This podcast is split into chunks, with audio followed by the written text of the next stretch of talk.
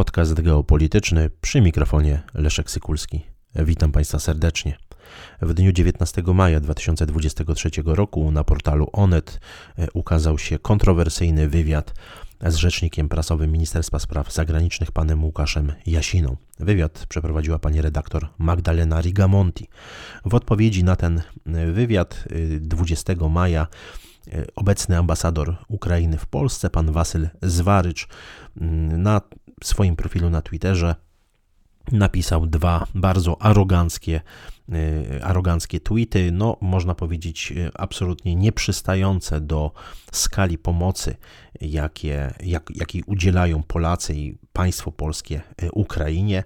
No i warto sobie w tym momencie zadać pytanie, jak wyglądają dzisiaj stosunki polsko-ukraińskie, czy to czasem Polska nie jest dzisiaj petentem w, właśnie na Ukrainie, czy to Polska nie stara się być, y, no, można powiedzieć, nadgorliwa w tych relacjach, a ze strony ukraińskiej widzimy tylko i wyłącznie właśnie taką arogancję, butę i, i postawę roszczeniową wobec Polski i Polaków. Myślę, że zarówno wypowiedź Łukasza Jasiny jako rzecznika prasowego Ministerstwa Spraw Zagranicznych, jak i Wasyla Zwarycza jako Ukrai Ukrainy w Polsce w ciągu dwóch dni 19 i 20 maja bieżącego roku są dobrym e, pretekstem do postawienia kilku pytań, do przeanalizowania tak naprawdę właśnie tych, e, tych trudnych relacji polsko, polsko-ukraińskich. Ale zacznijmy od kwestii wywiadu, który ukazał się 19 maja na portalu Onet. Link pan, Państwo macie w opisie i komentarzu do tego, do tego nagrania. Trzeba także na samym początku y, powiedzieć, że pan Łukasz Jasina jest postacią niezwykle kontrowersyjną, który wywoływał już y, wiele burz medialnych. Najsłynniejsza jest ta z końca marca 2022 roku, kiedy podczas konferencji prasowej powiedział, że decydenci w Warszawie, że rząd w Warszawie to są, cytuję, słudzy narodu ukraińskiego. Myślę, że w tym momencie warto przypomnieć tę wypowiedź z ubiegłego roku pana Łukasza Jasiny. Posłuchajmy. My jesteśmy do dyspozycji Ukrainy, jej decyzji, jej próśb, jej wniosków w tej sprawie. Jeżeli nasi ukraińscy przyjaciele będą chcieli z tego planu skorzystać, pozostajemy do dyspozycji, podobnie jak w wypadku sojuszników. Y, jesteśmy tutaj sługami narodu ukraińskiego, jego próśb. A teraz przejdźmy do analizy wywiadu z 19 maja. Pani redaktor Riga Monti e, pyta w kontekście 80. rocznicy rzezi wołyńskiej, co musiałoby się stać ze strony ukraińskiej czy ze strony polskiej, żeby w tej sprawie doszło do porozumienia, do pojednania. E, pan Jasina mm, stwierdził, że podchodzi do tego osobiście, bo cytuję: Jest prawie z Wołynia. Koniec cytatu. Mówi także, że, że rodzina jego nie jest wołyńska, ale wychował, miał się wychować wśród ludzi, którzy stamtąd e, uciekli. No i padają słowa, e, które są słowami niezwykle kontrowersyjnymi. E, cytuję: Pamiętam czasy, kiedy ta zbrodnia nie była problemem, bo była mało znana. Koniec, koniec cytatu. Nie wiem po co takie słowa w tym wywiadzie, nie wiem czy była autoryzacja e, tego wywiadu, ale myślę, że e, mówienie o tym, że zbrodnia nie była problemem, bo była mało znana, no jest, mówiąc najdelikatniej jak tylko potrafię, nie tylko mało dyplomatyczne, ale po prostu nie powinno się znaleźć w wypowiedzi publicznej e, polskiego, polskiego urzędnika. Trudno tutaj nie odnieść wrażenia, że wypowiedź pana Łukasza Jasiny jest ściśle skorelowana z rokiem wyborczym w Polsce, z najbliższymi wyborami parlamentarnymi, no bo przecież pamiętamy ostatnie lata, pamiętamy całą politykę zagraniczną prowadzoną przez pana profesora Zbigniewa Rała, obecnego ministra spraw zagranicznych. Pamiętamy zresztą także chociażby działania wcześniejszych szefów e- MSZ-u, chociażby poprzednika pana profesora Rała, pana profesora Jacka Czaputowicza.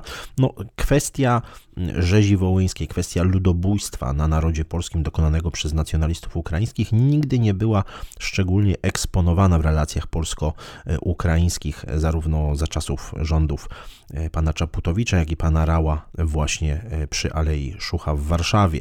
I to mówiąc najdelikatniej, także jak, jak potrafię. No, mówmy sobie szczerze, ta sprawa była kompletnie marginalna, e, kiedy pan minister Zbigniew Rał, w asyście zresztą pana Łukasza Jasiny, odwiedzali Ukrainę, kiedy przed budynkiem y, obrad ze, z delegacją ukraińską widniały czerwono-czarne flagi, no to kompletnie nie, nie, nie przeszkadzało to stronie, y, stronie polskiej, nie przeszkadzało to ani szefowi polskiej dyplomacji, ani rzecznikowi y, prasowemu MSZ-u RP. Teraz mamy nagle nagle taki wywiad, w którym pan Jasina domaga się właśnie tutaj przeprosin ze strony y, ukraińskiej. Zresztą te, to, to sformułowanie jest niezwykle niefortunne, y, gdzie widać po prostu, widać po tym wywiadzie, że jest to nic innego jak próba gry przed wyborami parlamentarnymi. No samo to stwierdzenie, że pamięt, cytuję, pamiętam czasy, kiedy ta zbrodnia nie była problemem, bo była mało znana, koniec cytatu, no jasno pokazuje, że mamy do czynienia z czystą zagrywką przedwyborczą. Zresztą z tego wywiadu wynika jasno, że stronie polskiej nie udało się w ogóle w jakikolwiek sposób wymóc na stronie ukraińskiej jakiegokolwiek poważnego gestu. No, padają tutaj konkretne, konkretne słowa pana Łukasza Jasiny, cytuję. Nie słyszałem na razie o wielkich wydarzeniach, które są planowane na początek lipca. Koniec cytatu. No, szanowni Państwo, no to jest pokazanie jasno, że na 80. Y, rocznicę tak zwanej krwawej niedzieli, mówimy o 11 lipca, to jest y, rocznica kulminacji rzezi wołyńskiej, masowego ludobójstwa dokonanego na Polakach przez organizację ukraińskich nacjonalistów Stepana Bandery, ukraińską powstańczą armię e, oraz ukraińską ludność cywilną, nie są planowane żadne wielkie wydarzenia. No jest to absolutny skandal, absolutny skandal. Na dwa miesiące przed rocznicą Krwawej Niedzieli nic nie jest zaplanowane. E, rzecznik prasowy MSZ-u RP nie słyszał o żadnych wielkich wydarzeniach w tym kontekście. No jest to niebywały skandal, który pokazuje e, tak naprawdę rolę petenta w relacjach polsko-ukraińskich. Kto jest petentem, a kto jest, e, kto jest e, no, w, tym, e, w, w tym układzie stroną, stroną wiodącą. Jest tutaj kompletnym nieporozumieniem, że rzecznik prasowy MSZ-u Rzeczypospolitej Polskiej próbuje usprawiedliwiać stronę ukraińską. Rzecznik Jasina mówi, że prezydent Zełenski ma wiele innych spraw na głowie. Dodaje, że niczego tutaj nie usprawiedliwia, ale stara się zrozumieć. No jest to kompletne pomylenie roli, kompletne pomylenie roli i y, próba usprawiedliwienia strony ukraińskiej nie leży w gestii rzecznika prasowego MSZ-u RP. Y, zresztą y, dalej idzie tutaj pan Jasina w swoich, w swoich konkluzjach, próbując usprawiedliwiać to, że rzezi wołyńskiej nie zrobiło państwo ukraińskie. No, szanowni państwo, mamy do czynienia z kompletnym, z kompletnym skompromitowaniem urzędu, urzędu Rzecznika Prasowego Ministerstwa Spraw Zagranicznych. Ostatnie, ostatnie półtora roku jest to cała seria kompromitacji. Jest to cała seria kompromitacji. Y, już ubiegłego roku mówię, że ten człowiek nigdy nie powinien znaleźć się na, w, w ogóle na tym stanowisku, na funkcji Rzecznika Prasowego Ministerstwa Spraw Zagranicznych. Tutaj pełna odpowiedzialność polityczna za y, występy tego człowieka publiczne spada nie tylko na ministra Zbigniewa Rała, ale także na premiera Mateusza Morawieckiego. Co do tego oczywiście nie ma żadnych, żadnych wątpliwości. No i następuje część wywiadu, która wywołała bardzo arogancką reakcję ze strony ukraińskiej. No, warto tutaj przyjrzeć się temu, się, się temu bliżej. Panie redaktor Gigamonti pyta, czy prezydent Załęski powinien przeprosić naród polski za ludobójstwo. Dopytuje, co powinien powiedzieć prezydent Ukrainy. No, rzecznik Jasina e, mówi wprost, że prezydent Załęski powinien powiedzieć przepraszam i prosimy o wybaczenie. E, to wywołało e, no, bardzo arogancką reakcję ze strony ukraińskiej. Bardzo arogancką. 20 maja 2023 roku ambasador Ukrainy w Polsce, pan Wasyl Zwarycz, napisał dwa tweety, e, które również tutaj dolały oliwy do ognia, ale moim zdaniem e, pokazały bardzo dobitnie, kto w, w relacjach polsko-ukraińskich jest stroną dominującą, kto po prostu rozdaje, rozdaje karty. Przyjrzyjmy się tym dwóm tweetom ambasadora Zwarycza, które co ciekawe w kolejnym dniu, 21 maja, zostały usunięte z jego, z jego konta i pojawił się kolejny kolejny wpis, ale o tym za chwilę. Przyjrzyjmy się tym dwóm tweetom z 20 maja. Ambasador Ukrainy napisał, cytuję: Jakiekolwiek próby narzucania prezydentowi Ukrainy czy Ukrainie co musimy w sprawie wspólnej przeszłości, są nieakceptowalne i niefortunne. Pamiętamy historię i apelujemy o szacunek i wyważenie w wypowiedziach, szczególnie w trudnych realiach ludobójczej agresji rosyjskiej. Koniec cytatu, to jest pierwszy tweet, a właściwie pierwsza część tego tweeta.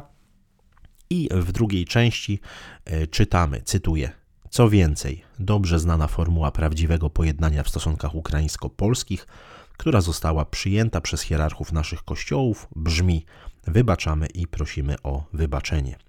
Koniec cytatu. Mamy tutaj zatem do czynienia z niezwykle arogancką odpowiedzią niezwykle pewnego siebie ambasadora Ukrainy w Polsce, który doskonale wie, że może sobie pozwolić na, e, takie, na taką odpowiedź w takim duchu, że strona polska nie będzie e, mówiła e, prezydentowi Ukrainy ani Ukrainie, co ma mówić na temat ludobójstwa dokonanego na narodzie polskim. Oczywiście rząd Prawa i Sprawiedliwości Solidarnej Polski w ciągu ostatnich lat bardzo mocno zasłużył sobie na takie traktowanie. Na pewno nie zasłużył sobie naród polski na takie traktowanie ze strony Ukrainy, ponieważ musimy pamiętać, że to strona polska e, przyjęła e, do siebie miliony migrantów z Ukrainy, wysłała miliardy pomocy, broń, amunicję. Cały czas zresztą państwo polskie wysyła te broni i amunicję, wspiera politycznie Ukrainę w NATO, e, w Unii Europejskiej i tak dalej, i tak dalej. No i po tym wszystkim, po tej całej bezwarunkowej pomocy, po tej uległej polityce, której symbolem, personifikacją stał się pan Łukasz Jasina, rząd Prawa i Sprawiedliwości suwerennej, czy też y, solidarnej, czy też suwerennej Polski dzisiaj oczekuje gestów, oczekuje gestów od y, Ukrainy. To jest kompletna ignorancja geopolityczna, to jest kompletne odrzucenie realpolitik, polityki realnej i to jest opieranie polityki wschodniej na marzeniach, na wyobrażeniach, na pewnych mitach natomiast kompletne y, unikanie twardego obronu interes, interesu Rzeczypospolitej Polskiej. Y, tak naprawdę dzisiaj oczekiwanie jakichkolwiek gestów ze strony Ukrainy po tak tak jak powiedziałem, uległej polityce jest niezwykle naiwne i pokazuje nieznajomość, nieznajomość mm, i, i specyfiki w ogóle narodu ukraińskiego i mentalności post, postsowieckiej, gdzie taka bezwarunkowa pomoc i taka uległa polityka, nie tylko werbalna, ale także materialna, jest symbolem słabości, jest postrzegana jako ogromna słabość, którą należy po prostu bezwzględnie wykorzystywać. Kto jest petentem w relacjach polsko-ukraińskich, dokładnie pokazuje e, sprawa e, zakazu poszukiwań i ekshumacji szczątków polskich ofiar wojen, e, konfliktów na terytorium Ukrainy, a także oczywiście ludobójstwa dokonanego przez ukraińskich nacjonalistów. Ten zakaz wprowadziły władze Ukrainy w 2017 roku. E, kiedy w lipcu 2018 roku prezydent Andrzej Duda złożył wieniec na polu zboża, oddając w ten sposób symboliczny hołd ofiarom ludobójstwa e, w miejscu nieistniejącej już polskiej wsi Pokuta na, e, na Wołyniu, wiele osób uważało, że no ten apel prezydenta, ten symbol i ten apel do władz Ukrainy, aby przywróciły możliwość ekshumacji ofiar rzezi wołyńskiej, znajdzie Y, znajdzie zrozumienie y, w Kijowie. No oczywiście nic takiego nie miało miejsca. W ogóle ten symbol, jakim jest składanie wieńca na polu zboża, nie na cmentarzu, nie y, w mauzoleum, ale na, w polu zboża, pokazuje jak jak bardzo lekceważąco strona ukraińska podchodzi do polskiej pamięci historycznej, w ogóle do do y, ofiar e, ludobójstwa. E, jest absolutnym skandalem, że dopiero niedawno strona ukraińska wydała zgodę na podjęcie przez jedną polską fundację prac poszukiwawczych i to tylko uwaga w jednej miejscowości, tylko w jednej miejscowości, w miejscowości Późniki na Podolu, to w dawnym województwie tarnopolskim. Mamy do czynienia z absolutnym skandalem, z traktowaniem Polski, polskich władz jako petentów w Kijowie. Całej tej sytuacji nie zmienia fakt, że pan Wasyl Zwarycz, ambasador Ukrainy, usunął swoje e, tweety z 20 maja, kolejnego dnia opublikował wpis, w którym możemy przeczytać, cytuję. Mój wczorajszy wpis był reakcją na słowa rzecznika MSZ w Onet, który wprost wskazał, co musi zrobić prezydent Ukrainy. Uważam taką formę komunikacji za niewłaściwą. Jesteśmy otwarci na dialog, współpracę w sprawie historii, rozumiemy jej znaczenie, czcimy pamięć ofiar. Razem silniejsi Ukraina Polska. Koniec cytatu. No, szanowni Państwo, tutaj widzimy, że nawet sformułowanie czcimy pamięć ofiar nie odnosi się do konkretnych ofiar konkretnego ludobójstwa.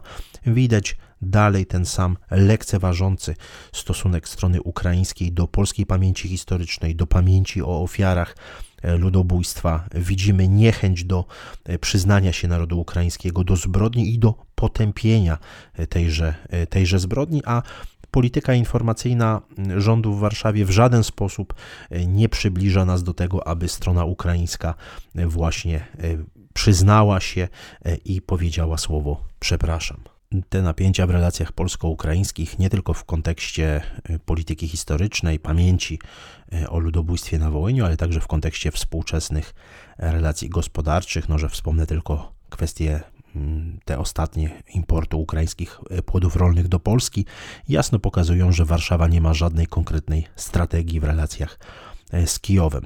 Polska polityka względem Ukrainy jest polityką doraźną, powierzchowną, bardzo emocjonalną, która jest bardzo często także wyrazem różnych wewnątrzkrajowych y, tarć y, politycznych, a nawet oczekiwań wewnątrzpartyjnych, chociażby w kontekście najbliższych wyborów parlamentarnych w Polsce.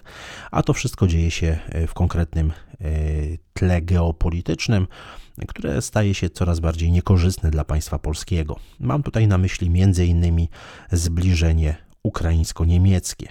Od chwili, kiedy nowym ambasadorem Ukrainy w Berlinie został Oleksij Makiejew, który nie ukrywa swoich proniemieckich e, sympatii, te relacje uległy znacznemu ociepleniu, czego zresztą odbiciem była podpisana 14 maja bieżącego roku przez prezydenta Załęskiego i kanclerza Scholza wspólna deklaracja niemiecko-ukraińska ale także docierają do nas inne informacje, chociażby te o tym, że wielki niemiecki koncern zbrojeniowy Rheinmetall planuje powołać e, wspólną spółkę na, e, na Ukrainie i tak dalej, i tak dalej. No niestety ta sytuacja jest niekorzystna dla państwa polskiego i to zresztą w pewien sposób także tłumaczy to sztywne stanowisko, takie twarde, aroganckie, butne stanowisko ambasadora Ukrainy w Polsce. Przy tym postać rzecznika prasowego Ministerstwa Spraw Zagranicznych RP jawi się jako groteskowa i jako taka smutna personifikacja uległej polskiej polityki. Dziękuję Państwu za uwagę.